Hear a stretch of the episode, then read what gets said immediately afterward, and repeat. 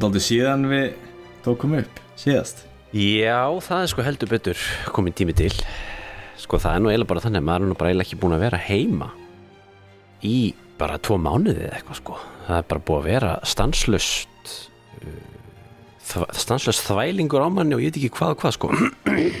Já, já það er sama hér. Ég, og ég var nú alveg að heimann í fimm vikur. Var á já, var ég hérna sögur frá að brasa í Oslo og í Guðbrandsdalnum. Já, já, já. Hvernig er svona, þegar maður er svona her, herþjálfunar búðum er eitthvað, fær maður eitthvað frið til að stoppa og lesa og fræða sig um öll andans mál? Eða er maður ekki bara að vinna allan daginn? Jú, við vorum eiginlega að vinna bara allan daginn. Uh, Ég vaknaði alltaf klúan 6 og síðan var morgumatur 6.45 til kortir yfir 7 og svo byrjaði dagurinn þá hálf 8 og svo uh, vorum við að til 8 til 10 á kvöldin. Og uh, þegar maður var búinn kannski um 8 leiti eða 10 leiti þá þurfti maður alltaf bara undirbúa næsta dag. Þú þurfti að pakka kannski og gera tilbúinn búnaðinn og aðtjóðu væri með allt og svona.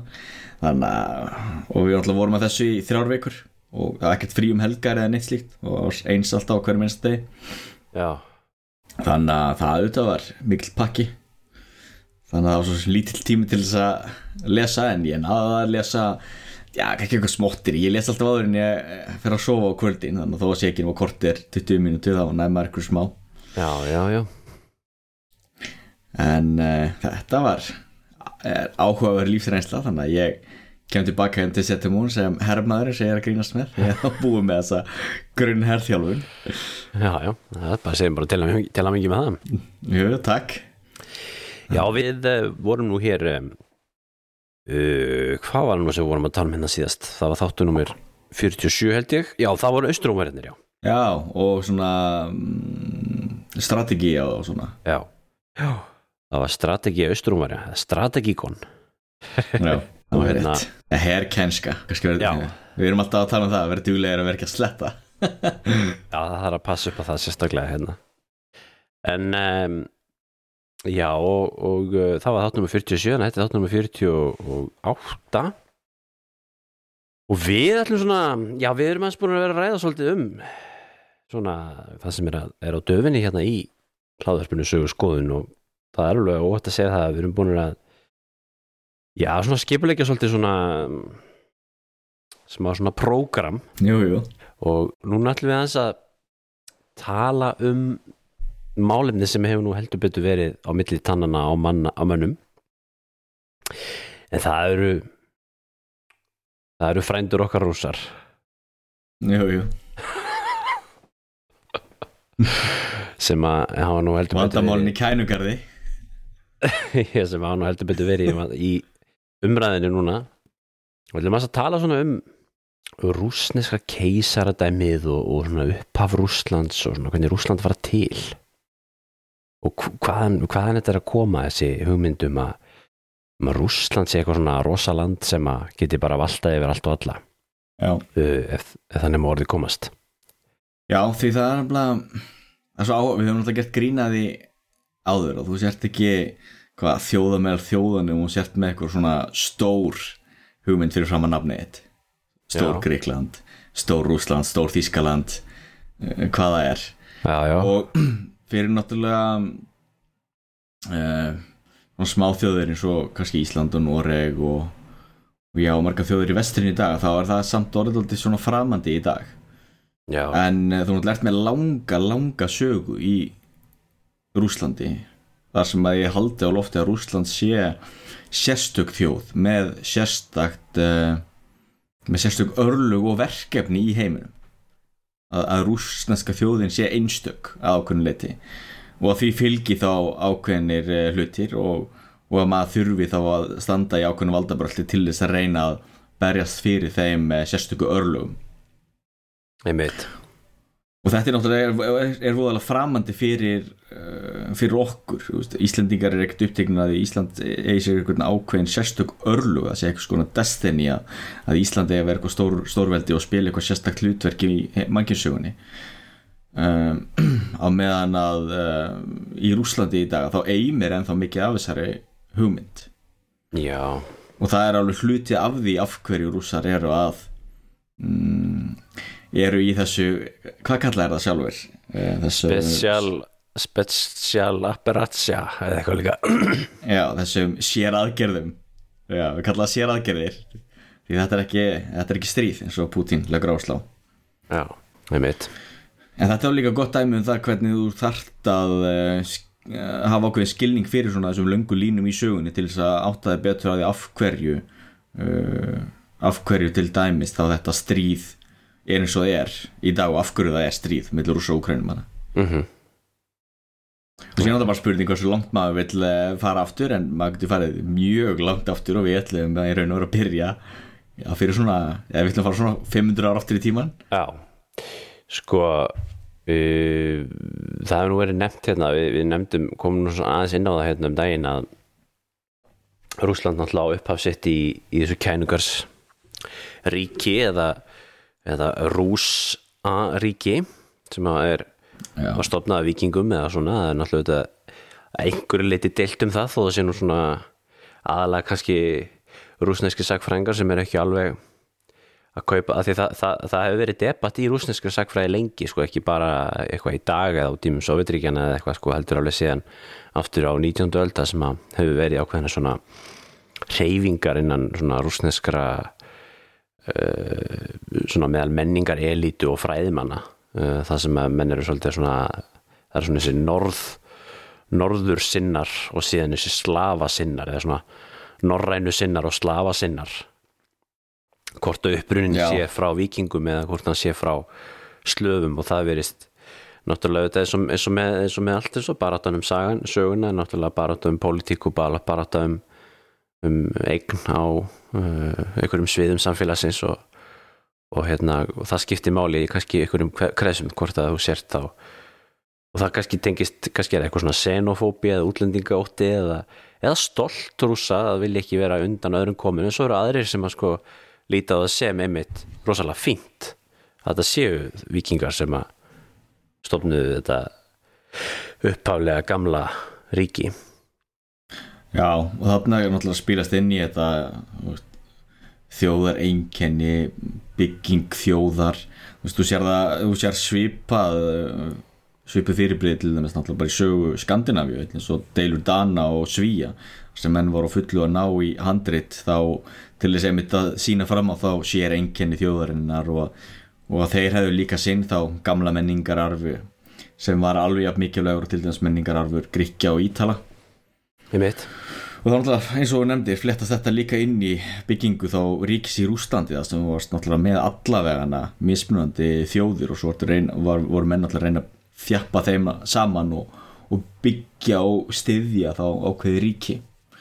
Og síðan er það bara svo mismunandi hvernig menn líti á þetta. Sumum finnst ég um það jákvætt að einhver uh, norrar vikinga elita hafi verið uh, já þeir sem þá uh, lögðu grunninn að ríkinu ásamt á þetta að það voru fullt á slöfum náttúrulega líka. Og meðan sumum finnst það þá niðrandi að líta að rússarnir hafi verið já mögulega kúaðir þá eða eitthvað slíkt. En þetta er allavega mjög löng saga í rússneskri sagfræði Já, já er ennþá er að tala um í dag en, en samt fordlefa fundir og svona fræðin í dag sína nú á mjög skýran hátt að þarna var mikið af norrænum mönnum og, og það voru norrænum menn þetta sem ákveðin elita sem síðan fléttaðist náttúrulega þetta mjög þett saman við slafa og annað fólk sem bjóða þarna eins og hefur alltaf verið. Fólk blandast og verður fyrir áhrifum. Algjörlega algjörlega.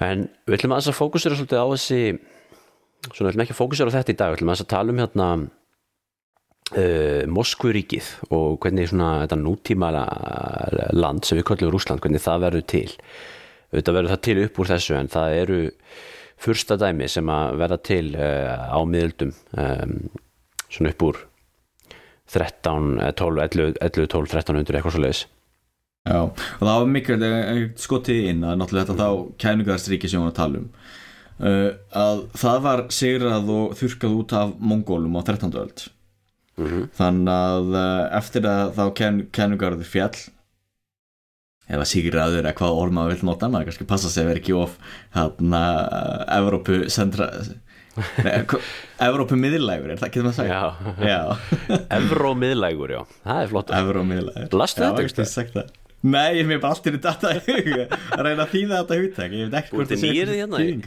Það er almennlegt Já, en allavegna þannig að upp úr því náttúrulega mm, stýrðum mongólar þarna og arftakar þeirra Já. í langan tíma. Og þá náttúrulega upp úr því uh, urðu til öll þessi sko hertóadæmi eða prinsríki eða hvað maður vil kalla því Ég held Þá í að séu Norður- nefnilega kvöldu fyrsta dæmi bara á íslensku. Já, eða fyrstadæmi Já, já. Já, notum það orð. Það er stór fyrsti svona, Og- fyrsti, já. Og, þannig að þessi, og þessi fyrstar þurftu þá, voru þá háðir uh, törturunum eða, eða afkomendu mongóla og borguði greitti með skatt þurftu að fylgja þeim í hernaði og slíkt og síðan náttúrulega voru þeir berjast inn á milli þannig að uh, þannig að Rústland uh, var náttúrulega ekki til á þessum tíma sem annað en þá uh, hinn ímsu þá fyrsta dæmi og það sé þá upp úr þessari valdabaratu á milli fyrsta dæmina og við tartarana að þá hertu á dæmið eh, í Moskvu að stór hertu á dæmið Moskva verður ofana já það er sérst á kjarnin sem verður Rúsland Hétta ekki fyrst, hefur ekki gengið undir nokkur um nöfnum eins og það var Vladimir og eitthvað svoleiðis líka. En Moskva kemur ekki fram alveg strax sem nafn eða nokkuð? Nei, það er alveg rétt. Því uh, Moskva held ég kemur fyrst fram í heimildum er það ekki bara er það 1400 eitthvað? Það er ekki 1300 eitthvað? Já, já, ég man, að, ég man það nú ekki alveg. Því Moskva til dæmis var ekkert til eða, til dæmis þegar kænugarði var upp á sitt besta, upp á sitt besta og, og þetta Rúsríki og það er alltaf áhugavert á einmitt að Moskva var svona þessi stærsta borg þarna því hennar saga er tiltölu ung.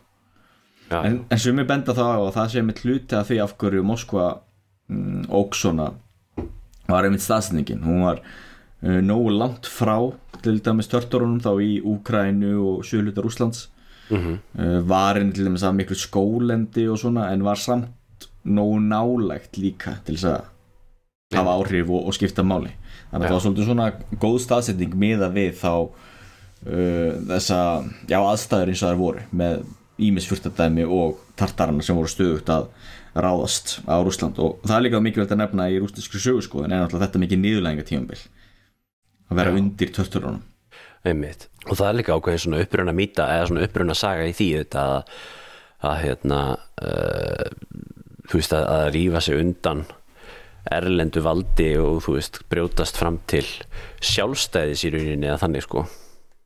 Já, og svo náttúrulega þetta kemur inn í þetta þessi ríkalega ímynd sem við höfum af mongólum sem þessi, þessi þetta er hræðilega gríðarlega ofbeldi og, og harðstjórn sko sem að svona, er svona í þessu sögulega minni um mongólana sko já. Já, já, algjörlega. En hvernig var þetta svo þessi lönd voru svona þeim var ekki, þeim var ekki beint stjórnað af þeim heldur voru þeir voru þetta skattlönd eða þannig voru að borga þeim? Voru Já. ekki að borga þeim hérna pening og svoleiðis. Já, það var fyrst og fremst þannig. Þið þurftu alltaf að greiða þeim skatt. Já. þurftu einhver leiti mögulega að fylgja þeim í hernað og slíkt. En síðan var líka þannig að þessir hertóar allir samar eða fyrstar voru líka háðir því að tartararnir myndu samþykja þá. Já, já, já, Uh, þannig að þú veist, þeir fengu löggildingu frá þeim.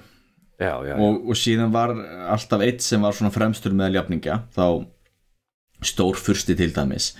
Og hafi, þá var ég svona leiðandi stöðu þá.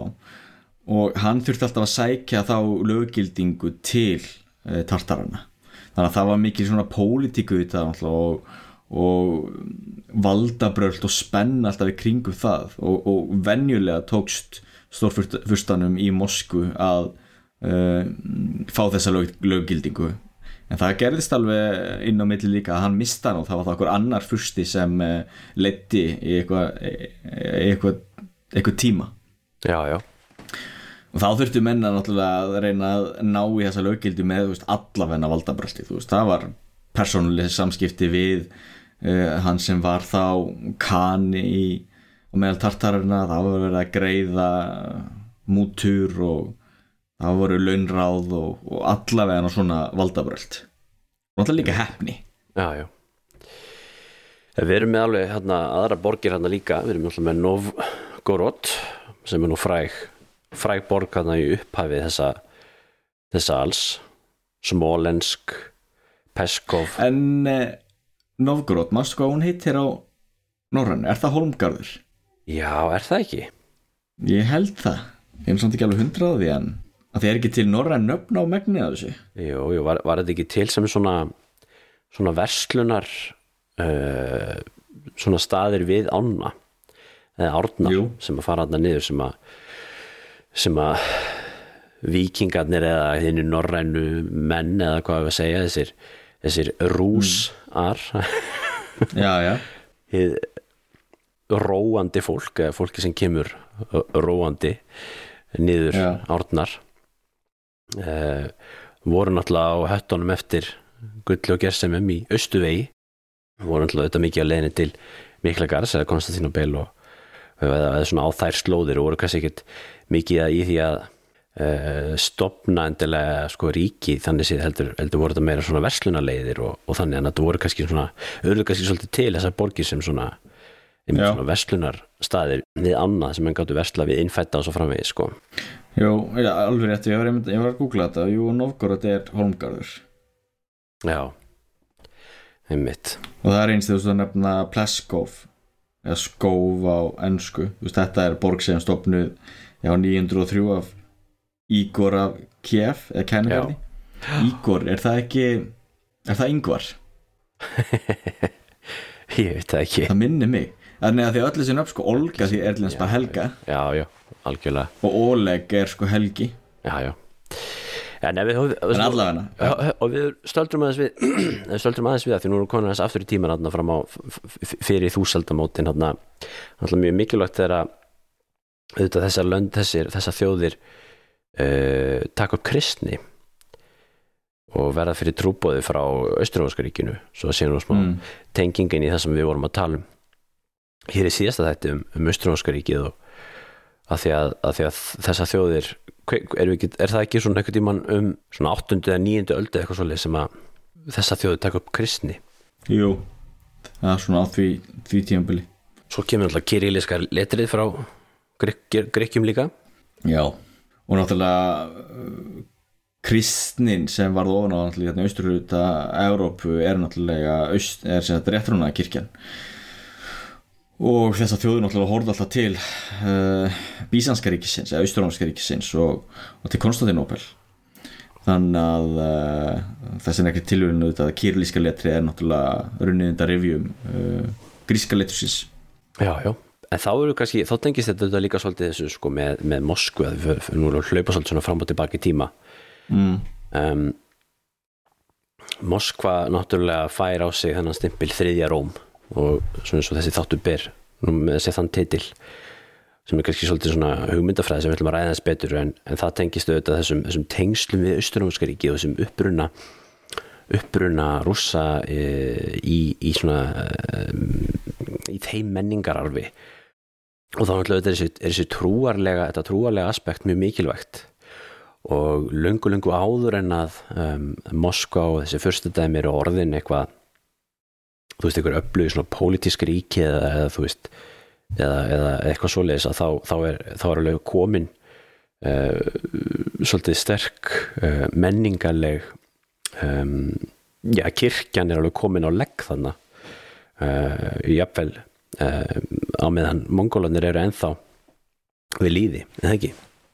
Jú, það var algjörlega var það og klaustur líka og munkar sem voru þá að skrifa og uh, já, svona að leggja draugin þá svona að þessum uh, menningarlega grunni vegna þess að náttúrulega er í sögu Európu þá er alltaf kirkjan sem hefur verið uh, brautriðjandi í þessu menningastarfi það er alltaf kirkjan sem kom með letrið og, og það kirkjan sem náttúrulega var að menta menn og, og, og pressa á jú, einhvers konar svona eh, menningastarf í þá svona um, bóklegum skilningi, þú veist, jú, það auðvitað fólk náttúrulega sína, sína sögur og söngva og svona, en náttúrulega bókmenningin kom náttúrulega með kirkjunni.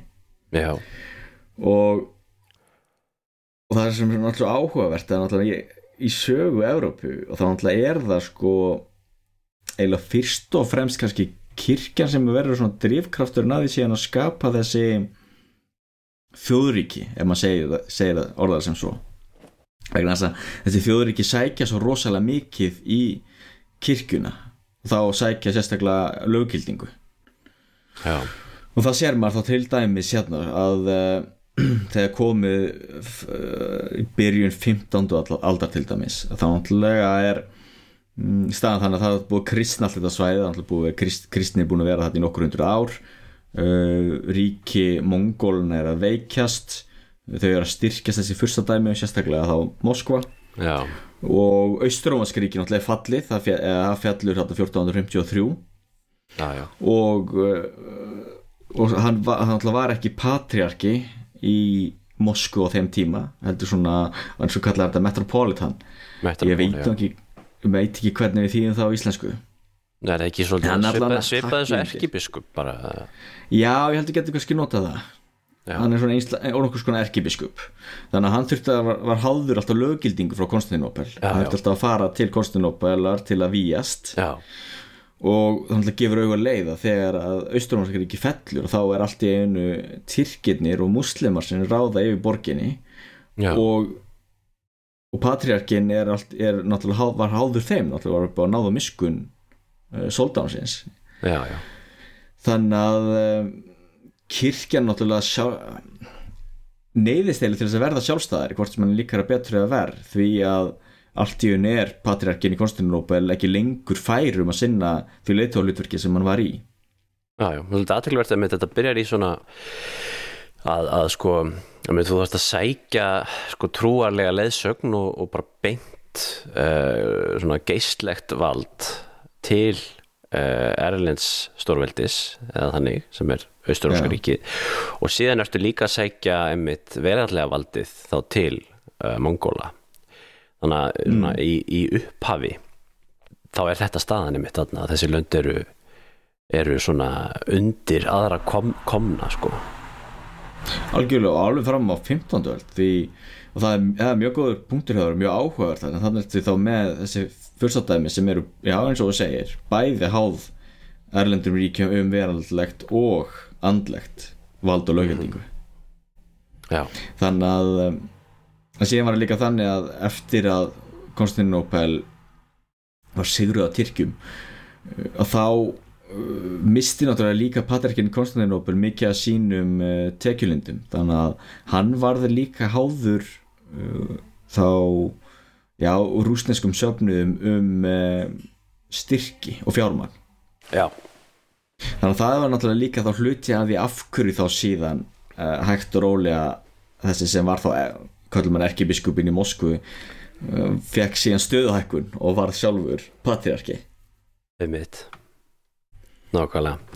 Herðu, einn af þessum upp fyrstu rúsnesku eða Moskvu moskóvísku stórfustum Ívan Mikli eða sérst Ívan þriðji sem að stjórnaði frá svona já, hann er enda komið á setni hluta 15. aldar reyndar, hann er svona einn af þessum frægustu uh, rúsnesku keisurum eða stórfustum jú, jú.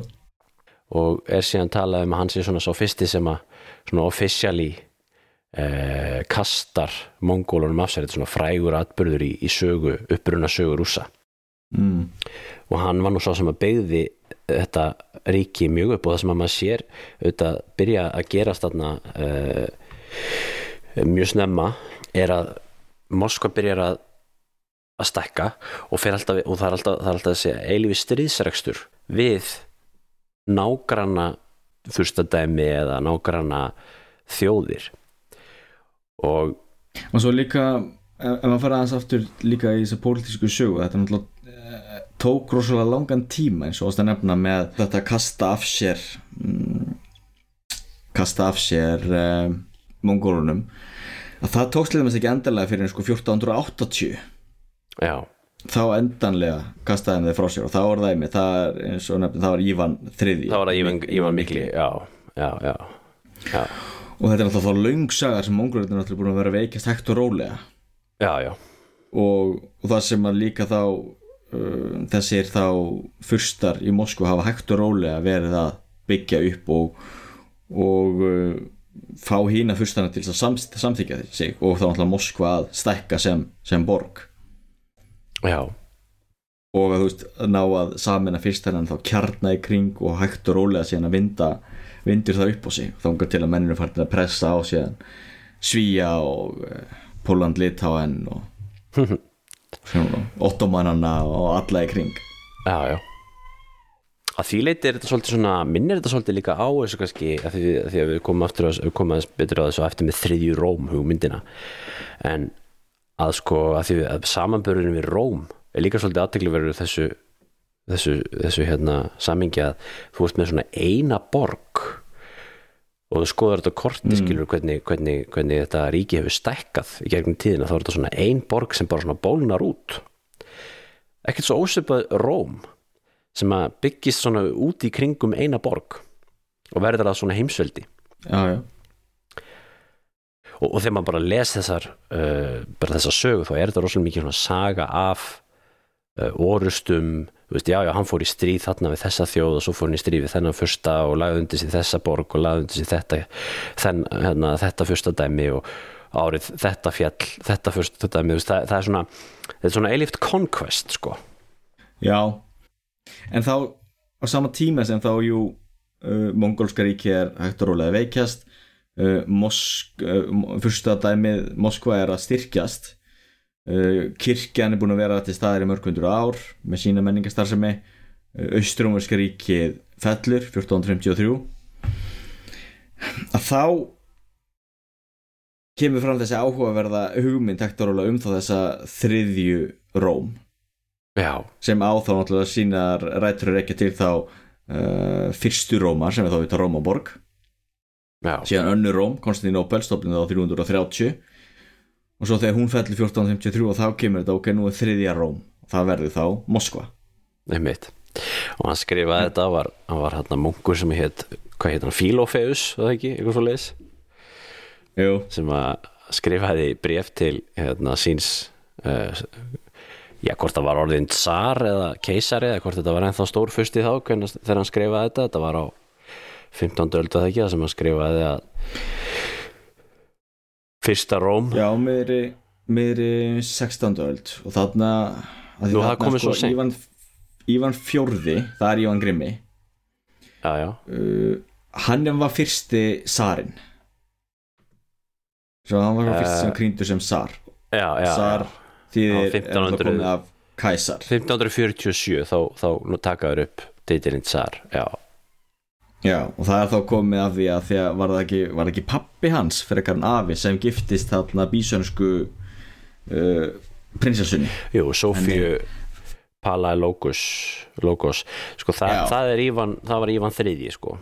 Ívan Mikli, Já, sem að Já, gerði það sem að alveg. giftist þessari bísönsku prinsessu sem að var held ég bróðudóttur eða sýstudóttur síðasta bísanska keisarans já, sem að flúði til uh, Rómar og eftir fall uh, Austunóskaríkisins og var þar, uh, fekk þar katholst og, og, og, og latnest uppeldi en um, Já. var síðan gift inn í rúsnesku hyrðina og var þá aftur snúið til rétt trónaðar já, og, já, hérna, og var þá einmitt brúðkaupi með svona, svona bísönskum stíl og, og hérna og, og, og, og reynda líka mikið eftir uh, eftir því og hérna taka upp svona menningar einkenni sem við sjáum auðvitað enn þann dag í dag. Og Ívan þriði náttúrulega uh, svo vorum að tala um að hann eldi ríkið uh, til muna og, og sapnaði því saman og hann tók svolítið upp alls konar svona siði og, og, og svona etiketts uh, í tengslu við þennan bísanska menningarar til dæmis eins og að hann meðal annars tók upp tvíhöfða örnin já, í sitt skjaldarmerki sem er nú enn þann dag í dag skjaldarmerki Rúslands og, og, og hérna og, og, og skjaldarmerki Rómanovættarinnar og rúslandska keisari dæmisins og er komið úr uh, úr merki Palaiologos ættarinnar sem að var bísanska uh, síðasta bísaska keisarfjölskyldan sem var nú hann í ykkur nokkur hundru ár uh, á keisarastóli í, í Östuróskuríkinu og það er náttúrulega ekki tilvílun að það var þá uh, já þessi þá Rússland, ef við, byrjum að nota það orð sem tók yfir alltaf þetta því það náttúrulega var eina réttrúnaríki sem var til á þessum tíma. Það var Moskva sem stórhærtu á dæmi og, eða stórfyrsta dæmi og hinn smáfyrsta dæmin en til dæmis kænugarsríki náttúrulega var ekki til lengur á þessum tíma og jú, jú, þú varst með eitthvað smá en þá hann í Trebisond norð austurhluta Tyrklands þeir held út eitthvað aðeins lengur. En, Já, en það var í raun og 30 veru engin annar sem hefði getað tekið já, eitthvað smottir í. En það var í raun og veru engin annar sem mögulega gatt litið á sig sem arftaka. Ekki nema jú, jú, það litið á sig sem arftaka Rómaveldis en það er auðvitað önnur saga En svo, er til dæmis sem er út með þessar þjóður og Balkanskaga sem að náttúrulega hafa haldið í uh, grísku kirkjuna eins og serbar og búlgarar og svona mm. en þessar þjóður voru náttúrulega auðvitað urðu fljótlega undir ottomanveldinu líka og talandi um tvíhöða örninu Já. auðvitað menn náttúrulega glöggir glöggir hlustendur hafa kannski tekið eftir því að þennan má nú finna auðvitað í mörgum öðrum skjaldamerkjum heldur en bara rússa eins og til dæmis hjá serbum og, og, og albönum já, já, og viðar sko. Þessi arfleifð.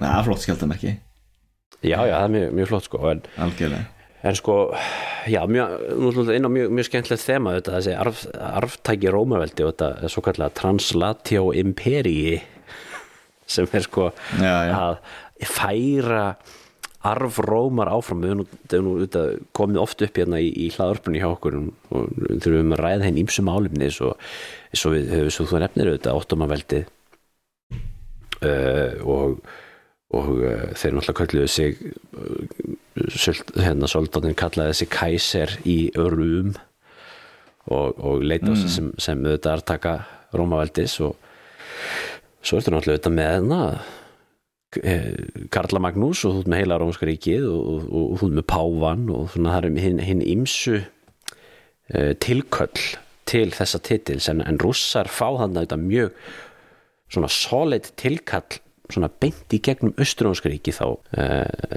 en ekki, ekki þá frá Róm sko beint sko. Já einmitt, það- að því þeir litu á sem þannig að einhver þyrfti að gæta einmitt hinnar eh, einu sönnu kirkju sem verður þá Östurkirkjan Já og það með þess að flettast inn í þetta náttúrulega líka ut að hann bara alþjóðapólitíkin á þessum tíma því til dæmis uh, uh, keila, keisari hins heila rómansku keisari dæmis uh, hann hafði heyrt af þessu rú- rússneska ríki hérna í austur Evrópu og, og sendi mér sér eitthvað sendibúð og var að velta því fyrir sér við sína hýrð hvort það hægt að vera að fá þetta fólk inn í keisaradæmið Já, inn í heila það er áhugavert. Inn í heila rómarska ríki já. Já, já, en uh, auðvitað vildi hvort það var ekki Ívan þriðji sem var í, í breyfaskrifum við hann? Hann Já. áslá það að hann væri sjálfur keisari og arftaki Rómaveldis. Þannig að hann vildi auðvitað ekkert fara með sitt fyrsta dæmi inn í heila, rómarska keisaradæmi. Einmitt. Og það er áhugavert þetta sér maður sko það eru tveir sem líta á sig sem arftaka Rómaveldis. Já, já, algjörlega. Og hérna það að vera eitthvað ákveðin sigur af því að ef mann rétt að þá viðukendan þennan, sartitil. Það verður að vera náttúrulega mikil virðing sem fórst í því. Það var uh, náttúrulega mikil munur frá því að fara að vera stórfursti upp í það að vera allt í orðan keisari. Já, já. Það er þetta líka, þetta kemur sko, það, það, það, það þýðir líka held ég upprunlega var það ekki, að þeir kölluðu sér tsar yfir öllum rús um. Að því það voru búin að leggja undir sig það mikið af nágranna sveitafélögum að, að þeir gáttu fara að kalla sig sko eh, ekki lengur bara stórfustin í Moskvu heldur sko keisari yfir öllum stórfustunum það er að segja skilur Novgorod, Smolensk þessum, þessum litlu rúsum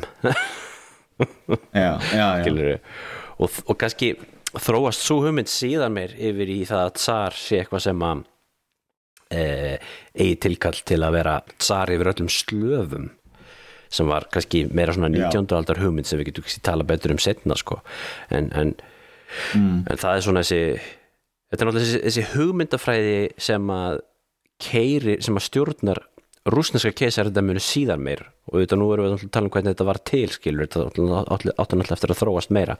En það er svo þú varst, hérna inn, varst að koma inn á hérna í byrjun og þú varst að segja skilur að alla þjóðir hafa, eins og suma þjóðir hafa sitt destiny um, um einhver svona mm. að, að það sé svo sko eigi, eigi, eigi skilið að ráða yfir öðrum og svo framvegis að þetta ásvöldi upphaf þarna þegar, sko, sko ísari keisarlegu hugmyndafræði og hugmyndin um þrýður róm náttúrulega. Algjörlega, það á það en þess er samt líka áhvert að, að fara svona langt tilbaka því það náttúrulega var ekkert sjálfgefið að það yrði Moskva sem væri þessi kjarni og væri þriðja ró.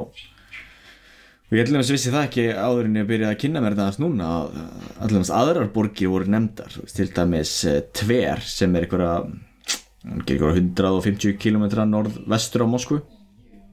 Já, þar, hún var ekki nefnd, ekki nefnd beint sem sko þriðja, þriðja, þriðja Róm en fyrstir þar var nefndur sem sko nýr Jakob eða nýr Jósef og, og mikið svona, svona hálf svona messianskar hugmyndir þar að þetta tver og, og stórfyrstin þar það væri sko framtíðin sem ætti að samina fólkið og, og einhvern veginn byggja þarna nýtt Ísrael. Það er alveg með skömmul hugmynd sem þú sér sko allstæðar í Evrópu. Þetta uh, það sem menn uh, byggja ný ríki á grundvöldi þess að, að þau sækja sér löggildingu í Galvan testamenti. Skotar til dæmis. Þeir voru meira söpteknuna þeir voru, það var nýja Ísrael uh, nýr Jakob og eitthvað slíkt. En þú finnur þetta um alla Evrópu. Já, já. Uh, og síðan náttúrulega eins og við nefndum Holmgarður var líka nefnd sem uh, nýja Róm. Já, já, sem þriðja Róm. Og er það ekki fyrsta borgin í, í, í þá því sem varður Úsland sem var nefnd sem þriðja Róm Það getur verið, ég þekki ekki nákvæmlega það en ég veit allavega sko, þessi hugmynd sko, hún er oft eignuð um, eignuð þessum uh, áðurnemdum Philóteus sem, að, sem að var þessi, munkur sem ég nefndi hérna áðan á fyrir, uh, svona snemma á, á 16. öld uh, að því að hann sem sagt, uh, sagði þessi frægu orð í brefi til um, til uh, keisarans þar sem hann sagði sko tvær rómar hafa fallið hinn þriðja stendur og það verður engin fjóruða róm. Eða eitthvað líka. Já, já, já, og, og hérna og svona, oft svona einmitt eignu þessu, þessu sko en, en, en auðvitað hafði þessi hugmynd komið oft fram áður og, og í svona brefum og skrifum hér og þar. Og löngu áður en að Moskva verður eitthvað, eitthvað eh, sakalegt ríki sko en um, auðvitað náttúrulega aðalega þarna sko auðvitað, auðvitað er þetta líka svona að því að þetta er hugmyndafræði þá fer, fer, fer, fer þetta að vera sko meira notað eftir á til þess að réttlæta skilur þannig, þú veist, ég til mis já, lasur hendur eina grein um daginn það sem að ykkur var að segja sko að sko þetta væri raun ákveðin mýta sko, þetta er svona sem, að- það sem hann kallaði sko sko sagfræðilegu draugur eða historical ghost það er að segja sko mýta eða stef sem að menn apa upp eftir hver öðrum og taka sem sjálfsögðum sannleik og gengur bara þannig manna á milli eða fræði manna á milli.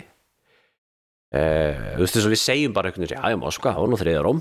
Eitthvað svona, já, þeir litur nú á sig sem þriðið róm og, og eitthvað svona, en svo kannski svona þú veist, þegar betur að það gáð sko, þá er þetta nú ekki alveg svo einfalt sko, kannski sko, þú veist uh, eða, svo, svo, þá var þetta kannski ekki alveg jafn mikið notað eins og menn hafa uh, oft haldið á einhverju sagfræðinga sem hafa haldið þessu fram sko. ég sem er ekki svo vel inn að mér í þessum, þessum fræðum að ég svo fullir hver er statusin á þessu í fræðasamfélaginu núna sko. ég veit ekkert um það sko, en eða hvort þetta sé eitthvað svona jaðarskoðun eða ekki sko. en ég það hef lesið eitthvað um þetta sko. já, en síðan náttúrulega líka erfitt náttúrulega dæmið það líka sko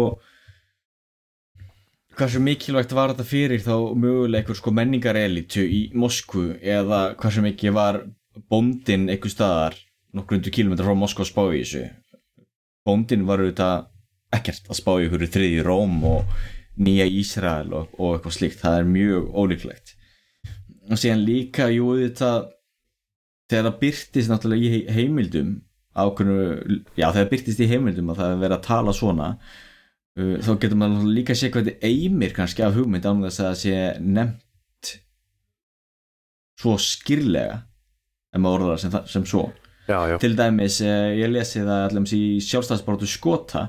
Þá notuðu þeir það sem eh, sem rök gegn englendingum að þeir var afkomundu trójumanna og, og ættu þar með sína gamla glæsta sögu og slíkt og tengja sig þá við miðrahafið og, og þeir á svona hluti af sjálfstæðsbaróttunni jú og svo getum við auðvitað já, ég var stumða kannski hversu mikið þetta var notaði hversu mikið hluti þau rök voru af sjálfstæðsbaróttunni en það finnst þó í heimildum eitthvað nefnt. Já, menn getur náttúrulega alltaf týnt til alls konar einminn eins og við vorum að tala um, tala um hérna mástu Artgrím lærða eitthvað tíman og, og við vorum að lesa í krímógjöfu það sem hann var að rekja uppruna uh, Íslendinga til já, náttúrulega til Skandinava og sem uppruna Skandinava var það ekki ekki annars vegar til Jötna og hins vegar til Trójumanna eða?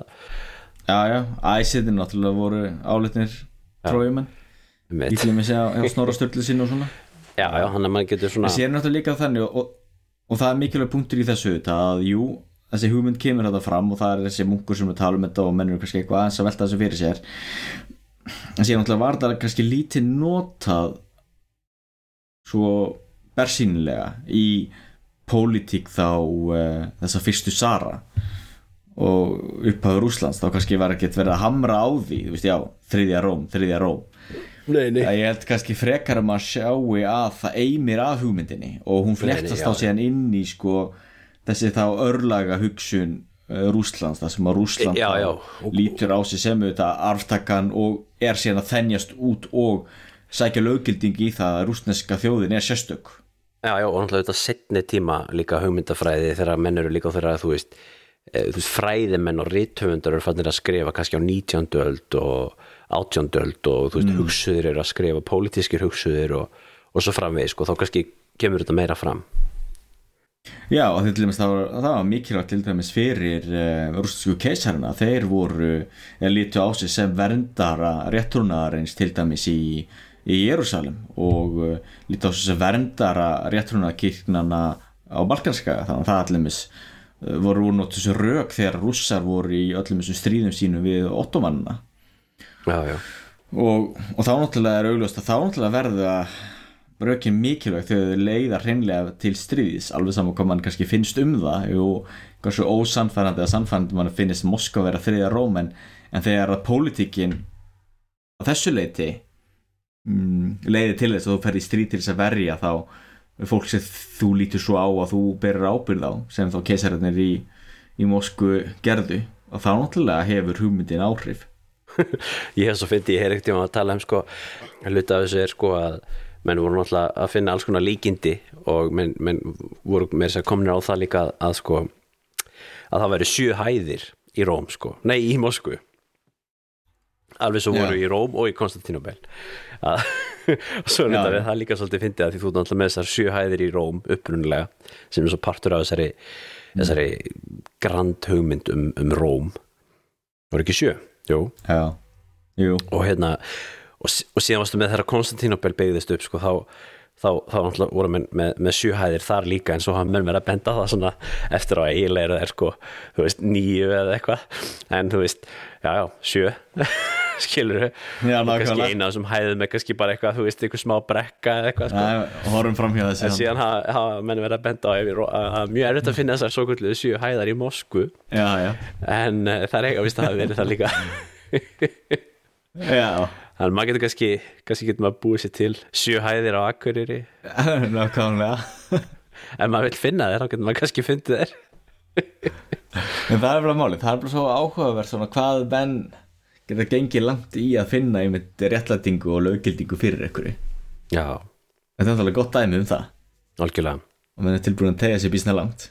Það sé náttúrulega líka, fléttast náttúrulega líka inn í þetta að Róm er náttúrulega svo mikið meira heldur en bara sko borgin Róm Já, já, sko, Róm er svona rosa mikil Róm hugmynd. náttúrulega líka er sko já, hugmynd og, og meira að segja sko, hún meira að kalla Róm sko konar svona frumspekilega hugmynd. Hún er einhvern veginn er sko svona grunnurinn algjörlega að því sko hvað er menning, hvað er uh, hvað er siðfræði, hvað er sko standardin eða hvað er svona grunnurinn sem þú byggir á. Já, já, að því þú ert með þú ert náttúrulega með kirkjuna þú ert með uh, antíkina þú ert náttúrulega með senatið og rómaveldi og, og þú ert náttúrulega með svo rosalega mikið. Þannig að þú ert að segja róm þegar maður nota orðið róm þá ertu að tala um að eiginlega bara vestræna menningu.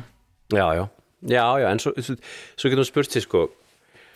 Við komum nú aðeins, vorum aðeins að tala um þetta hérna, við vorum að tala um hérna mástu Rómania og þú veist hvað er að vera rómvergi og eitthvað svona. Að, að sko, þú veist mm. Einmitt, hvað er róm, þú veist, er þetta e- veist, e- e- ef þetta er hugmynd ef þetta er kerfi þú veist rússar byggjað á því að þeir séu arftakar hins, hinnar sönnu trúar sem önnur róm byggði fótfestu sína á skiluru á meðan kannski Tyrkir Já. þó svo þeir eru kannski ekki haldið lengi í þessa hugmynd en þegar þeir heldu í þessa hugmynd þá var það náttúrulega byggt á því að þeir væru þá með þessa svo kvöldu bara fysisku borg Konstantinobel skiluru og sko þarna eru tveir mismundu hlutir skiluru og menn hafa bent allir missi svo af hverju get ekki uh, af hverju get ekki ottomanveldið verið verið sko artaki rómaveldis vegna þess að eh, þó svo þessi ekki kristnir þó þessi hafi mörg element sem að þú hafðir í rómaveldi eða, eða austurónskaríkinu sem þið deila með því eins og til dæmis það að vera með þennan autokrat skilur við þennan einvaldskeisara sem að ríkir yfir hinnu verallega og hinnu andlega sem er mjög mikilvæg hugmynd að því að það er öðruvísi heldur en þú ert með í vestrinu. Það er með páan sem ríkir Já. yfir hinnu andlega skilur og prinsanir sem eru yfir hinnu, hinnu verallega að hugmyndin um svona autokrat sko að svo hugmynd heldur náttúrulega bara áfram í, í ottomanveldinu þá hafa menn bent á skilur af hverju geta þeir ekki verið rómverjar þó þessi ekki kristnir? Voru ekki rómverjar heiðnir á tímum Júli, hérna, Júliu Cæsar og allt það og voru það ekki alveg mikla rómverjar skilur og allt þetta sko. Þannig að þú veist, maður getur spurt því sko hvað er Róm? Og þannig að þegar þú segir þriðja Róm þá ertu náttúrulega að hugsa um sko þriðja sko keisaradæmið með stóru kái og stóru yð endingu sko. Keisaradæmið skilur og náttúrulega í, í hugum rúsa þetta, þá, þá er þetta náttúrulega rosalega tengt við kirkjuna sem ég sagði aðan sko. Og hérna, og að því að það náttúrulega var til þess, það náttúrulega heldur áfram með þessa hugmyndum það að keisarin eða tsarin í Rúslandi að hann væri autokrat og notuðu mér sér það hugtak þetta, þetta gríska hugtak autokrat sem að, sem að, sem að grísku keisararnir notuðu sko. Eða þeir notuðu reynda líka krónokator sem er hérna meistari tíma. Já, og kosmokrator, Já. meistari rúms. Það verður ekki að spara stóriðin En þetta er mjög góða punkti og líka með hérna, Ottoman að því að er, þessi er svo áhugavert hvernig er litið á eða hvað sín maður hefur á hlutinu því til dæmis uh, jú, það í sögurskoðun er oft gert svo mikið úr því að jú, muslimarnir það er eitthvað sem er nýtt og Íslam og þess vegna er það bara einhvern veginn brot þarna. En sannleikurinn náttúrulega er sátlum þess að Íslam náttúrulega lítur á sig sem arftaka uh, kristindómsins og sem sko hérna full kominu síðustu mynd trúarinnar. Íslam er ekki ný trú, þeir líti ekki á, á, það- á sig sem, sem eitthvað nýtt. Og til dæmis Jésu er eitt mikilvægasti spámaðurinn í Íslam. Já, og það er mikilvægt í raun sko samkvæmt íslenskri guðfræði að bera ákveðna virðingu fyrir biblíunni. Þó að hún sé spiltur texti að þá er samt orð guðs þar. Þannig að sko að ímsu leiti var mjög létt fyrir Tyrkina að spila áfram á þessar hugmyndir Austrúmarska ríkið og taka yfir Konstantinopel og, og það heldur ekki tilvílun að Tyrkiti náttúrulega dreymdi alltaf um það að ná Konstantinopel og, og höfuborgin var flutt þangað um leið að þeim tókst það. Og auðvitað er náttúrulega er ottomanska veldið uh, arftaki rómaveldis líka rétt eins og uh, heila rómanska keisardæmi er arftaki á ákveðin hátt með ímsum göllum þetta þar á og, og, rúsneska keisardæmi er arftaki líka með ímsum göllum þannig að uh, kannski er ottomanska veldið sá arftaki sem hefur kannski best tilkall til titilsins. Og það er mjög áhugaverð hugmynd. Já, já. Að því svo er náttúrulega aðri hlutir í þessu sko rómarveldi eða þessu rómarhugtaki sem að sko auðvitað tengjast ekkit bara trúnni eða, eða þessum sko það er alltaf líka þessi hugmyndum ríkisborgarrétt og þessi hugmyndum að þú sett með margar þjóður undir einum keisara og þú sett með um, þú ert ekki með konga skilur, þú ert ekki með konungsborna prinsa eða konungsborna þú veist, þú ert ekki með einhverju litli smákongar sem að sem að, sem að ríkja í sínum eigin rétti eða eitthvað svoleiðis neitt, þetta er bara eitt keisardæmi. Já, staðmunur að þið vera kongur og keisari skilur eins og við talaðum, Já það er alveg rétt. Það er kannski ákveðin hugmynd kannski sem að tengist því að vera rómvergi en að geða salapa sko? Já, svona einhvers konar um, alþjóðhyggja kannski, universalismi. Já, því maður getur auðvitað líka litið á það sem litið á til dæmis það uh, hjælt áfram eins og það að uh, biskuparnir uh, urðu til dæmis mikilvægur uh, mikilvægur hluti að stjórnskipurinni þeir til dæmis söfnuð inn sköttum og að tala um áttumaveldi Já, áttumanveldi uh, og mikið að þeirra hluturkum í raun og veru voru, voru helt áfram, helt velli þrátt fyrir Já, það að Ísturóska ríkið uh, með bísanska keisa, keisaran hafi fallið. Það er allir með sluta að því að, af hverju að, þrátt fyrir mörg hundru ár með Tyrkja, með yfir á Tyrkja þá uh, helt samt Gríkland til dæmis uh, uh, sinni trú. Þá já. en ef við fyrir aðeins aftur á rússum svona aðeins að þetta var smá svona út út úr með, með Tyrkina og svona þessi mjög áhugavert og tengist auðvitað þessum hugmyndum um þriðju róm og svona.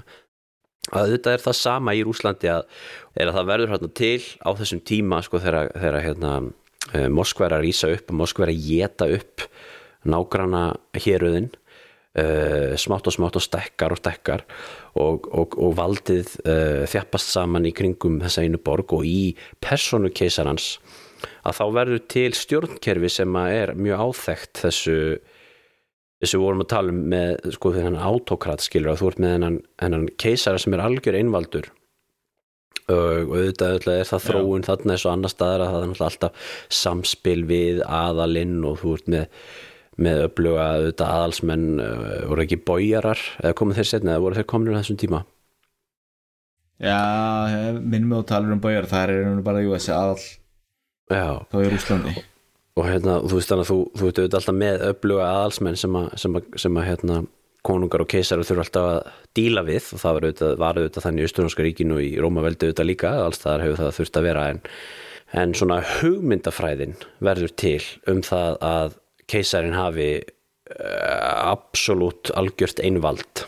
En svo hugmynd náttúrulega, eins og sé, festist náttúrulega bara meira og meira í sessi á meðan að vestur, í vestur-Európu þetta byrja svo hugmynd fljótlega að br- brotna upp og, og þú færð síðan á endanum liðræðisvæðingu og, og andstæðu eh, ein, einveldi stefnu á endanum sko.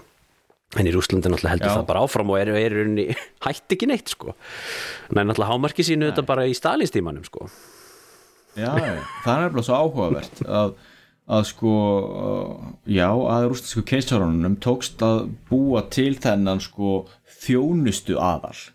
Þannig að aðallin átt ekki bara uh, lendur sínar og, og, og þræla eitthvað hér og þar um Rúsland heldur voru alltaf háðir keisarunum um embætti og tekjur. Já, já, og, og það náttúrulega gefur auðvitað leið að þú ert alltaf háður því að fá góða stöðu frá keisaranum þá náttúrulega ert ekkert eitthvað að fara að reynda á staði ykkur uppreist eða reyna að hafa malda í móin þá náttúrulega þarftu mig, þá þarftu náttúrulega bara viðkenna vald keisarans og fylgja keisaranum þannig að þú náttúrulega fekst allt annað samfélag já, já. með þá þessa einvaldskeisara sem eins og þú segir heldu áfram alltaf bara til allt fram á tíma Stalins og, og kommunismans og, og er í raun og veru enn þann dag í dag svona í Rúslandi. Putin náttúrulega er alfa og omega í Rúslandi og ef þú vilt eitthvað þar þá náttúrulega þarf það að vera í góðubókinni hjá honum. Verið í góðu bókinni á Putin hann er nú ekkert í góðu bókinni hjá, hjá mörgum í dag. Nei, hann er ekki það. En þess vegna er það áhugart með Rúsland og þú jú, menn voru náttúrulega bjart sínir hérna á tíundarartögnum og svona en, en það er bara eru náttúrulega erfitt að gjöra breytt einhverju einhverjum, einhverju samfélagsgerð sem hefur verið til staðar í mörg hundru ár og í margar kynnslóðir Já, já, og það er óða mikið sem að maður finnur af svona greinum og skrifum sem fólk hefur verið að skrifa um um basically sko stalinismann Mm. og það hefur verið svolítið vinsælt á 20-stöld og kannski hefur það verið svolítið í kaldastriðs fræðum eða kaldastriðs anda, ég veit það var svolítið einmitt á sem fyrirluta kaldastriðs árana uh, kannski í sjötta áratögnum og svo leiðis voru menn svolítið að, að velta fyrir sér svona að reyna að skilja stjórnkerfi í Rúslandu og svo leiðis og þá voru menn mikið að tengja uh, stjórnkerfi í Rúslandu á þeim tíma við þessar hugmyndir og, í, um, um einvalds uh, keisaran og hvaðan þær hugmyndir koma síðan upphála og menn hafa verið á nú eitt sem að skrifa um hérna já, var þetta sem þú talaður um hérna, nefndir þetta einum daginn hérna að þetta með með, með þessar orientalísku einvaldshyggju sem hefur í Kína og, Kóreu og allt þetta. Að þetta og, og í Egiptalandi og í miðausturlöndum sko þessi, þú veist þessu persaveldi faráðnir og, og þú veist þessi absolutt guðakeisari sko að það tengist þessu, þessu áveitu dæmi. Þú að tala um þetta? Já. Já, að, að kalla þetta eitthvað hydro, hydro, hydro eitthvað samfélög sem eru háð þessum áveitu efnahag sko. Að þar verði til hugmyndin um það að þú þurfa að vera með eitthvað svona algjöran einvalds guða keisaras eða konung sem að, sem að ræður öllu og stjórnar öllu. Og, og uh, í Rúslandi sem er þá svona auðvitað land sem að náttúrulega er staðsett á milli tvekja heima það er náttúrulega á milli þryggja heima þannig séð með, með íslamska heimin út með henni latneska heim og svo ertu náttúrulega með hinn austur-asíska heim. Og Rúslandi er hérna á milli og auðvitað fær uh, uh, áhrif frá öllum þessum heimum. Og menn hafa verið að tala um það svolítið einmitt að þessi, þessi, kannski þessi hugmyndafræði sem hefur stjórnað hann í Rúslandi, hún kannski færi element bæði frá þessu austurónska og þessu keisaralega og það allt saman. Og svo færðu líka ákveðin elementa úr, úr þessum, þessum orientalíska hugmyndaheimi það sem að þú ert með þess að guða keisari svo í Kína jafnvel eða, eða þú veist mm. persaveldi Já. og allt þetta sko. Og mongóla það náttúrulega. Já, og líka það sem að keisarin er- verður líka ákveðin svona föðurýmynd já, já, allir þess var mikilvæg hluti af rúsneska keisaradæminu að sko rúsneski keisarin var aðal pappin það var sko Ná, pappi sko Big og, Daddy. og þessi hugsun áttu sko æ, hann var Big Daddy, já. Og það voru síðan vondir einhverjir sko aðalsmenn og einhverjir í þjónustu hans sem voru að eðilegja og það var einhver svona æ, bara pappi vissi hvað við höfum það slæmt hérna. Alveg rétt, já. keisarinn laga þetta. Þú veist, þetta var sami Stalin Já, og þetta er ekkert íkjur að, að fólk talaði um það undir stalinismannum að bara vildi óska að Stalin vissi hvað við höfum það slæmt. Þá myndi Stalin í og laga þetta ég það að menn hafa verið að skoða bref sem menn hafa verið að skrifa í gúlaginu sko, það sem að Stalin sendi fólk sko í 25 ára þrælkuna vinnu fyrir að, þú veist, fyrir að segja eitthvað vittlust á vinnustæðanum eða eitthvað. Og, Já. og síðan voru menn að skrifa bref skilur til Stalins ef þú bara vissir að ég er sendur hérna í gúlagi út af þessum vittlusu embættismönnum þínum og ég vildi að það myndi koma og bjarga mér úr þessu. Það er alveg ótrúlegt, alveg ótrúlegt. Og þetta er náttúrulega eitthvað sem kemur bara beint upp úr rústinska keisardæminu Já, og þetta hangið saman með þessum orientalisma. Eða sem þá já. Já. Þetta er stórmerkilegt. Herru, Ívan Mikli eh, Við vorum aðeins inn á honum hérna. Svo kemur hérna einn á milli hans eða sonur hans tekur við hérna eftir honum sem að hét Vassili þriðji.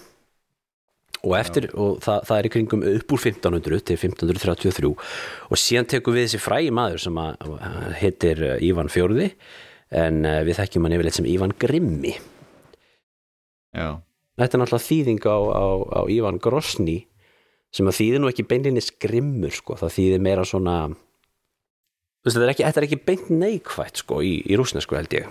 En ekki það er samt grimmi en nú samt alveg nafni réttu, hann náttúrulega barði hérna són sinn til banna og sem leiti til þess að mann rétt að eiginkona hans misti fóstri þannig að hann misti þarna són sinn og barnabarn á einu bretti. Tengdadóttir hans kom í, í partíið sko og honum fannst, hann, honum fannst hún vera druslulega klætt og þá barði hann held ég hana sem var til þess að hún misti fóstrið. Já, og þá kemur sonurinn og þá fara þeir að rífast og úrverður uh, rifrildi sem enda með því að hann slær hann til bana með hvað var það veldisbrotanum eða, eða eitthvað. Einhverjum staf. Já, já. ég veit. En síðan náttúrulega upp úr þessu náttúrulega eftir að Ívan Grimmi lést þá náttúrulega fór allt þarna í bál og brand því það náttúrulega var engin arftaki. Þannig að það er, var líka þá mikið niðurlega tímabil fyrir þá Rúsland einmitt, en, en, en Ívan Grimmi hann náttúrulega þetta var nú grimmur líka fyrir þær sakir að hann til dæmis uh, réðist á barði niður uppreisni í, í Holmgarði eða Novgorod. Mm. og hann líka auðvitað var auðvitað líka mikið illa því leiti að hann náttúrulega styrti ríki mikið og, og styrti vald keisarnas til dæmis uh, á kostnað bójaran eða aðalsmanna. Já, hún gekk náttúrulega hart fram gegn þeim líka og það allir áhugaður sagan þetta þegar hann uh, yfirgaf Moskvu og sagðist alltaf hætta að stýra ríkinu. Já, Og- hann gerði það nú nokkru sinnum að það ekki? Jú, það var sérstaklega eitt skipti. Og sagði hann að hann var búin að fá nóg af þessu og, þá kom fólkið og grát baðan um að snúa aftur og, og hann sagði að hann myndi snúa aftur með þeim skilir að hann myndi fá að um, hann myndi fá að gera það sem gera þurfti við uppreistnamenn og svikara Alltaf fólks bara í því náttúrulega að berja ennþá meira á aðlinum þannig að fólki samþykti það þannig að hann gætt drepið ennþá fleiri aðalsmenn og styrt völd sín já, já. Þetta er alveg ótrúlega og það segir svo mikið um Rússland því sko ég get ekki séð fyrir mér að þetta hefði getað gerst í nokkru vesturar ríki, það hefði bara einhver aðalsmaður séð sér að leika á borði og bara heyrðu aða strákar, þarna nú hlustið á mig já, já, já. en ekki þetta virkaði það hjá kallinum þannig að hann gæti styrti völd sín ennþá. En síðan það er alveg rétt eins og þú segir sko, þetta styrti ríkið og byggði mikið upp og, og slikt en hann náttúrulega líka reyfða síðan nýður náttúrulega. Já. með því náttúrulega að hann, hann draf són sín þarna og, og þessi Rúrik uh, fjölskylda hún leiði undir lok með honum var það ekki? Jú, var hann ekki síðasti eða sonur hans Fjótor kannski eða eitthvað þeir voru þarna síðustu að þessu, Rúrik dænastí Já, alveg rétt, það var jú Fjótor sem Manstu hvernig fór fyrir honum? Að því að síðan koma Rómanovatnir eftir þetta, er það ekki? Jú, þetta er basically þannig sko að, að þú ert með þarna Ívan er þarna fram til sko hann tekur við 1533 er fram til 1584 uh, Fjótor tekur við eftir hans dauða og er fram til 1605 svo koma þarna nokkur ár sko það sem að um, það sem er þetta svo kalla vandræða tímabil það sem er, er einmitt svona óöld og, og engin svona augljós uh, arftæki og, og, og vesen uh, stjórnakreppa Mm. en, uh, en það endar síðan 1613 þegar að Mikael Romanov tekur við keisarategninni og er þá fyrsti Romanov keisarin. Já, og setur þá á stopn þessa, þessa miklu uh, keisarætt Rómanovættarinnar sem átti síðan eftir að ráða Rúslandi fram til uh, 1917 þannig að í rauninni er þetta bara þessar tvær ættir sko. Þessar, þessi Rúrik ætt og svo þessi Rómanov ætt svona í stórum dráttum held ég sko. Það er mjög áhugavert. Það er, það er mjög áhugavert. Já já. Algjörlega. Nei, þú veist, hversu margar ættir hafa ju ekki verið hérna yfir heila rómarska keisardæmi eða til dæmis í Fraklandi eða eða já, en, en, en svo pælti innu þú veist ok, nú, nú, er við, nú er ég kannski engin svona ég er alls engin expert í þessu neitt en ef maður bara skoður þetta bara svona þessi, þessi basic saga Rússlands á þessum tíma og, og fram til bara já, segjum fram til 1917 basically sko, þú veist, þú ert bara með í gróf, mjög grófum dráttum skilur tvær, tvær keisarættir og auðvitað eru sko auðvitað koma tímabila þú ert með svona stjórnakreppu og allt það sko en en sko þú ert samt þú, ert bara með þess að þessa einu borg og ekki bara það hún stekkur og stekkur og stekkur og tekur sko yfir allt það sem við köllum sko þú veist eh, þessi, þessi fyrsta dæmi sem vorum að tala um aðan heldur heldur að áfram inn í suður eftir og, og þú veist niður að Krím og inn í Úkrænu og ekki bara það heldur náttúrulega auðvitað austur, austur á bógin Já, og það er mjög aðtekluver og það er aldrei þú sér aldrei að, að, að þetta landsvæði þessi blettur á kortinu, hann minkar aldrei neitt mikið. Skilur við og það er svolítið aðtökulverst að því að núna eru rússa náttúrulega með söguskoðun sem að tengist mjög mikið til þessum atbyrðum í Úkrænu í dag. Að þessa hugmyndum að þau þurfa alltaf að verja sig. Af því það er alltaf verið að ráðast á þá. Skilur við og það var alltaf að vísa í setni heimstyrildina en, en sko svo, svo hafa menn vitnað í hérna, Napoleon innrásina 1812 að ekki eða hún endaði þá held ég en fyrir utan það sko mm. það, það er þá ekki saga Rúsland svolítið bara land sem er bara stakku, stakku, stakka í sko að því að við vorum einmitt í síðasta, tíma, síðasta þætti síðasta tíma í síðasta þætti þá vorum við einmitt að tala um Bísanska ríki mástu og strategíu Austuróska ríkisins hvernig það var rauninni land sem var sko akkurat öfugt. Það var stort land sem var alltaf stöðugt að minka hægt og rólega þangar til að það var bara ein borg eftir. Og síðan sko, ef við tökum síðan ef við yfirfærum þetta yfir í þriðjuróm sko, að þá snýst þetta við og það byrjar að stekka aftur út frá róm. Já. já, það er mjög áhugavert. Og ef við myndum að stekka sko allt bara frá já, Finnlandi vestri til sko Alaska og já, Bandaríkjana það er alveg ótrúlegt sko. Þetta, þetta land er náttúrulega svo, svo ógeðslega stort sko. Já, og hérna og þetta sko náttúrulega hvernig rússar lögð undir sig Sýberíu uh, sko það gerist nú bara frekar snemma í rauninni. Já.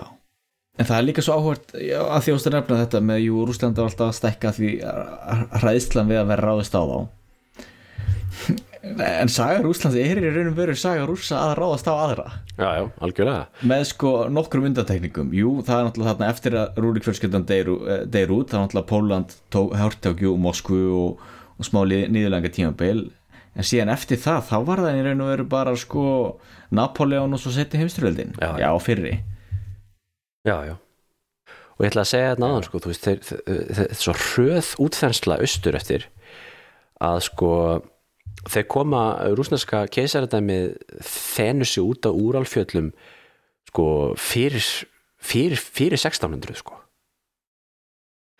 Og fyrir 1700 100 árum setna eru, er rúsneska keisaradæmið búið að þennja sig út að Kamchaka sem er sko austasti hluti Rúslands uh, og ég man ekki hvenna fór þeir yfir í Alaska það var nú verið kannski eitthvað aðeins setna já, og strax á sko 17. öld eru rússar fannir að díla við kynverja og já, í svæðum sem að eru einmitt sem áttu sér eftir að vera Mongólia og, og þessi svæði sko veist, það, það er strax komin kontaktar sko strax á, á 17. öld sko þannig að þetta er mjög hröð útþensla já og mjög, mjög, mjög hröð og það hluti náttúrulega af útþenslinu var þá auðvitað já, þessar hugmyndur um að Rúsland væri eitthvað sér, sérstætt ríki með sérstök örlög. Já, en það er náttúrulega eitthvað sem þarf að keira áfram svona útþenslu, þú þarfst að trúa því að þú að sé eitthvað sérstækt En svo getur líka verið sko, getur ekki líka, líka verið að þú kannski notar einhverja svona hugmyndafræði til þess að réttlega þetta hitt og þetta og byggja svona stjórnkerfið þetta á sem að rússar algjörlega hafa gert. En sjálf útþenslan, hún kannski er meira, kannski bara, þú veist, snýst kannski bara um peninga sko og völd. Vaturu, minna, nú, nú kannski þekki ég ekki það eru þetta til örgulega alls konar kenningar í fræðunum sko, bæði í alþjóðasamskiptum og í, og í sagfræði og öðru sko, af hverju ríki þennjast út skilur og, og kannski eru það svolítið mis auðvitað var það þannig að þegar rússar þöndust að nút austur í Sýberíu og, og inn í, inn í Asju ég held að það hafi nú örgulega fyrst og fremst verið bara sko nýlendu stefna. Basically, það var bara sama og, og Evrópamenn voru að gera í Ameríku sko, það var bara leggjundi sig eh, svæði það sem að frum, frumstæðar þjóðir byggu á. Uh, og, og voru, voru fyrst og fremst held ég í höttunum eftir verslun sko, held að verið hérna loð uh, svona loðfeldur og og annað sem að, sem að rúsa voru mikið að sækjast eftir. Já, hlutaði Já, en fyrir svona verslun þá þarf ekki að ráða yfir landinu. Það er alveg það sem er svo áhvertilegns með nýlundustefnuna já, að til dæmi sko nýlundustefna breyta til dæmis þegar voru að leggja undir sér hínu þessi landsvæði í, í Afríku. Það borgaði sér nú ekkert að leggja undir sig þessu lönd. Því þú, þeir voru hvort þið er með réði yfir verslunni og það var ekki eftir einu að slæjast á morgun sveðum en það voru bara aukin útgjöld við að reyna að koma á fríði það náttúrulega fylgir svo líka svona hugmyndir um einhvern heiður og dýrð og eitthvað slíkt. Kamchatka skæi hérna austast í Sýberju get ekki ímynda mér að það hafi verið sko eftir einhverju miklu að slæjast þar sem hafi sko uh, leitt til þess að það hafi borgað sig að leggja undir sig og koma á einhverju stjórnsýslu og byggja einhverja innvi, innviði og slíkt. Þetta er bara svo með Kína í dag í raun og veru sko ef Kínverðar myndi bara horfa á peningana þá myndi þeir losa sig við Tíbet um leið og, og Xinjiang og, og allt þetta landsvæk sem er kringum gópi eðmerkjuna þá myndi bara vera með strandlengjuna. Jú, jú, allir það ekki en, En- ég þekki það nú svo sem ekki sko hverjir efnaðslegir ávinningandi nákvæmlega voru af eins og Kamchaka og svona sko en, en ég veit allavega að það var alveg umfangsbyggil verslun sko með, með allavega loðfeld og öruglega aðrar vörur og, og Já, já. ég veit að þetta byrjaði svolítið þannig að sko eins og þú veist að koma inn á þannig að þegar þeir voru í samskiptu við, við heila Rómska ríki og svona þegar Úsland er að koma fram á sjónasviðið á, á 15. 16. öld og svona þá sem, sem eitthvað svona alvöru, alvöru land sko þá þá hafði það land ekkit haft neitt mikið saman að selda við önnur Európaríki vestur-Európaríki eða þannig séð svona latneska heimi. Og hérna ég las nú einhvers staðar að það hefði verið enskir, henskir kaupmenn sem að voru að þvælast til Úslands eitthvað tímann um þetta leiti svona á kannski 14. öld eða eitthvað svo leis og, og voru að um, uh, vildu koma á verslunar tengslum út af uh, til að kaupa loðfeld í, frá Sýberju og þá voru rúsnarsku keisaritar ekkert áhuga samur um þetta og var ekki fyrir síðar sem að Jú, er það að vísa í hérna uh, að það er er alveg svo sérstakt að, að sko menn sildu ekki fyrsta skipti norður fyrir uh, Skandinavíu fyrir en sko uh, um miðja 16. öld ég mann rétt. Eða um 1500 norræni menn náttúrulega voru sildu náttúrulega mikið í vikingaöld og Það er alveg rétt, ég á við eh, England og, og viðskipti þa þar við, þú veist, englendingar vegna þess að þú veist, það var ekkert eitthvað já, eftir, uh, vík, eftir að vikingaöld laug, þá voru engin verslu þarna á milli, það voða lítið. Já. var mjög takmarkað. Þannig að, þannig að, þannig að sko að sigla til Arkangels til dæmis, það það var uh, fyrst skipti á 1553 held ég. Það er frægur verslunulegangur, þegar englendingar komu einmitt á samskiptum þarna þá við uh, stórfyrstadæmið já, einmitt. í Moskvu. Já, og já, og verslun þá þarna við Hvítahaf. En það er allir með þess áhugavert að það hafi þú veist, þá ef- eftir vikingaöld og ekki tekið upp aftur fyrir en svona seint. Já, já. Akkur allir það sé? Er þetta ekki það erfitt að sigla þarna norðu fyrir? Þetta er náttúrulega kólnar mikið frosið. Sko. Það verður náttúrulega kuldaskeið sem kemur. Já. Þetta hangin bara alltaf saman með landafundunum. Það er áhugavert að þeir menn voru þá líka að reyna að finna sko leið norður fyrir að hvort að það var hægt að sigla norður fyrir til Kína. Já, og auðvitað kannski er þetta, er þetta tíðarandinn sko, það er bara þú veist, þjóðir eru að uh, sækja í um, þú veist, verslun er að aukast kannski og það verður kannski meiri eftirspurn eftir verslun með exotískar vörur eða vörur sem að koma frá þú veist, þannig að rússar eru bara sko langt því frá þeir einu sem er að gera þetta. Já, og það er mjög góða punktu vegna þess að, og ég hafði líka áður fyrir alltaf þá uh, sýnið að hjælt til þess að, að nýlundustefnan hafi verið svo miðstýrð, það hafi verið einhver, einhver kalli í Lundunum eða París eða Moskvu eða hvað það var sem ákvaði ákvaði nú strákar, nú leggjum við þetta undir okkur. En það var alls ekki þannig, oft var þetta einmitt einhver svona verslunuleðungar og einhver svona ævintýramenn sem voru að leggja undir sig landsvæði byggja upp verslunarmiðstöð ykkur staðar og síðan taka lýsaði yfir þetta væri nú að hluti á Rúslandi eða hvað það væri og, og þá voru oft sko stjórnvöld heima fyrir að bregðast við Jú, jú. og oft var þetta þeim til ama það er allir með þú getur, maður getur algjörlega lesið um það að breska heimsveldi eða brettar vildu oft ekkert vera að leggja undir sig landsvæði því það var ekki eftir neina að slæjast jú, jú. En herðu, svo er annað í þessu sem er mjög átökluvert uh, leggja undir sig uh, Sýberi og Asju, Austur Asju þá sko þá gerist í rauninni nákvæmlega sama og við sjáum í Ameríku að að þú sérð sko ekki bara þessi verslun heldur sérðu líka sko hvernig hinn er innfættu það fyllt af þjóðum sem byggu þarna. Já, uh, þær þá verða til svona nýlendu samskipti mjög lík þeim sem við þekkjum í Ameríku millir rússa og þessara þjóða sko. Og, og það verða svona uh, afleiðingar sem fylgja stríði uh, kúgun uh, og svo náttúrulega mjög stórum hluta sjúkdómum, importeruðum sjúkdómum sem við þekkjum náttúrulega í Ameríku. Þetta gerist líka í Sýberju sem verður til þess að, að þessi þessar uh, innfættu þjóðir sem byggu þarna það er náttúrulega stráfeldust alveg sem við þekkjum í, í Ameríku. Og rússa flytja þarna inn og, og, og eins og við þekkjum í dag að þá þetta eru til mis bara eins og í Kamtjaka eða þú veist þessum svæðum sko, þetta er náttúrulega bara ég, hvað hvað þetta þú veist, 80-90% bara rússar sem að bara tala bara rússnesku og eru bara rússar, rússar rússar sko. Já, alveg svo við erum með í Alaska bara bandarækjamenn sem eru bara bandarækjamenn sko. Mm. Já. Það er mjög áhugavert. En það er sko saga Rússlands og saga bandarækjana er mjög svipuð í ymsu leiti það kemur að þessu. Það er svo áhugavert líka að bera það saman að bandarækjin eru þetta svona uh, líðræðisríki með leika áherslu á fræðs einstaklingsins og meðan á Rússland var þetta einræðisríki valræðisríki. Já, já, svo þetta eru bæði Rússland og Bandaríkin svona þau hafa náttúrulega þennan svona exceptionalisma. Já sérstaklega þetta þegar kemur á Sovjetríkjónum útvalin ríki með sér alþjóðaheikju og, og sumufræðum hafa einmitt verið að tengja saman sko þriðju Róm sumundina við síðan uh, alþjóðaheikju Sovjetríkjana og og þá sögu.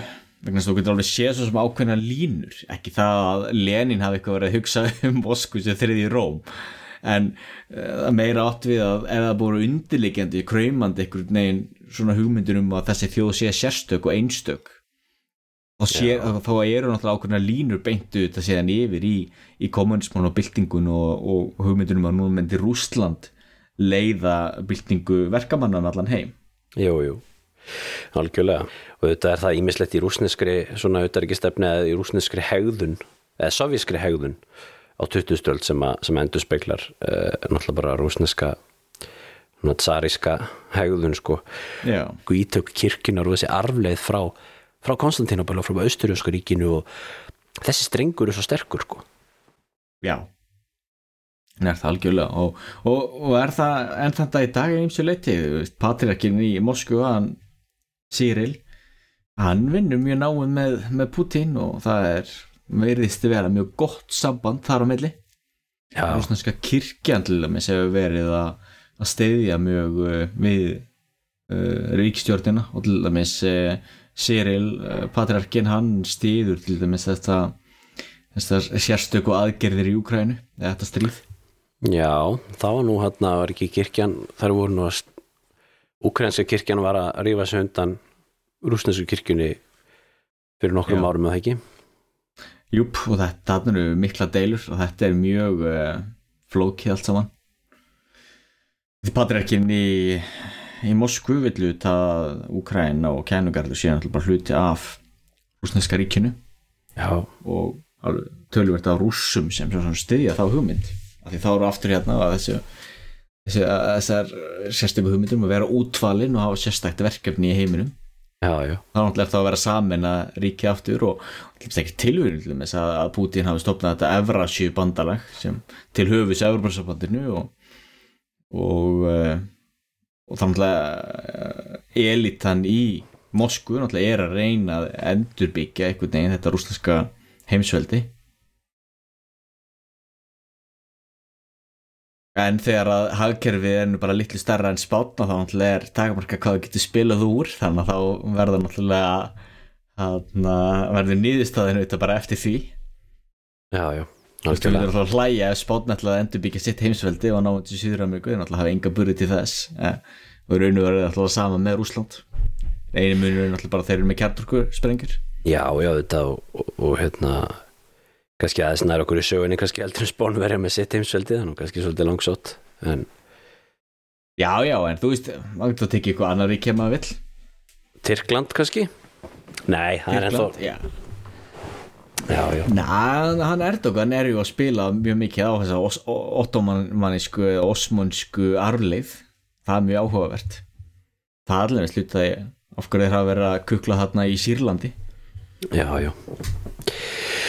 Já, já, þetta er flókið og, og, og mikið hittamál þetta rúsneska mál og, og hérna það er uh, þessi pólitík sem er í gangi í dag og, og hérna það er aðeins fara að róast kannski þarna núna eitthvað Já, náttúrulega margir er spenntir að sjá hvað gerist nú 9. mæ það náttúrulega er stærsta þjóða til rúsa sigurinn í setja heimstöldinni og uh, já, mann hafa verið að veltaði fyrir sig hvort að Putin hafi ekki verið óska sér að þeim ekki geta lokið þessum sér aðgerðinu sínum þessu stríði fyrir það. Og honum hefur ekki tekist það þannig að sem er að veltaði fyrir sig hvort að hann mun þá lýsa yfir stríði eða eitthvað slíkt. Lýsi við stríði við hvern? Eh, til dæmis Úkrænu Er hann ekki búin að því? Já, nei, hann er ekki búin að það því. er ekki stríði í Rúslandi teknilega séð Já, alveg rétt, já, hann er ekki í stríði, nei. Nei, þetta eru sér aðgerðir og ég held að það sé að það bannaði rústiskum fjölmiðlum að, að, að tala um þetta sem stríð. Alveg rétt, já, einmitt, já. Þannig að það er spurning hvað gerist þá núna. Ég held í raun og það mun svo sem ekkert gerast. Ég held að þetta stríð mun bara halda áfram og, og einhvern veginn svona frjósa og svo verði það einhvern veginn svona læst stríð kannski næstu árin. Já, já Herðu, það kemur í ljós. Það kemur ljós. Herðu, við uh, ætlum að reyna að vera svolítið duglegi núna í, í það sem að vera af þessu þessu sísoni af hlaðarpinu sögurskoðun við vorum hérna með hvað er að segja, fundi í hlaðarpinu, vorum að fara yfir stöðuna og, og hérna það hefur ekki verið mikið að gera síðustu mánuð það er alveg rétt en það búið að vera mikið, mikið annað í gangi og við hefum verið bara rosalega lítið heima báðir sko, þannig að við ætlum aðeins að reyna að taka okkur til í spýt í lófuna og Já, þess að reyna að spýtir hún við erum þetta bara búin að segja það svo oft sko. Við, megum alveg eiga það, við gerum það alltaf, við spýtum síðan í lófuna og tökum eitthvað tíma bil og Ég veit. síðan allt í hennu mikið að gera og þá róast þetta aðeins á- hérna á þessari Nákvæmlega, og síðan spýtum við í lófuna nákvæmlega. Herðu, ef þú segja þetta gott í bili þetta komum gott Yes. Þá uh, sjáumst við hér fjallres í næsta þetti af sögurskóðun Verið sæl. Að sinni. Verðið sæl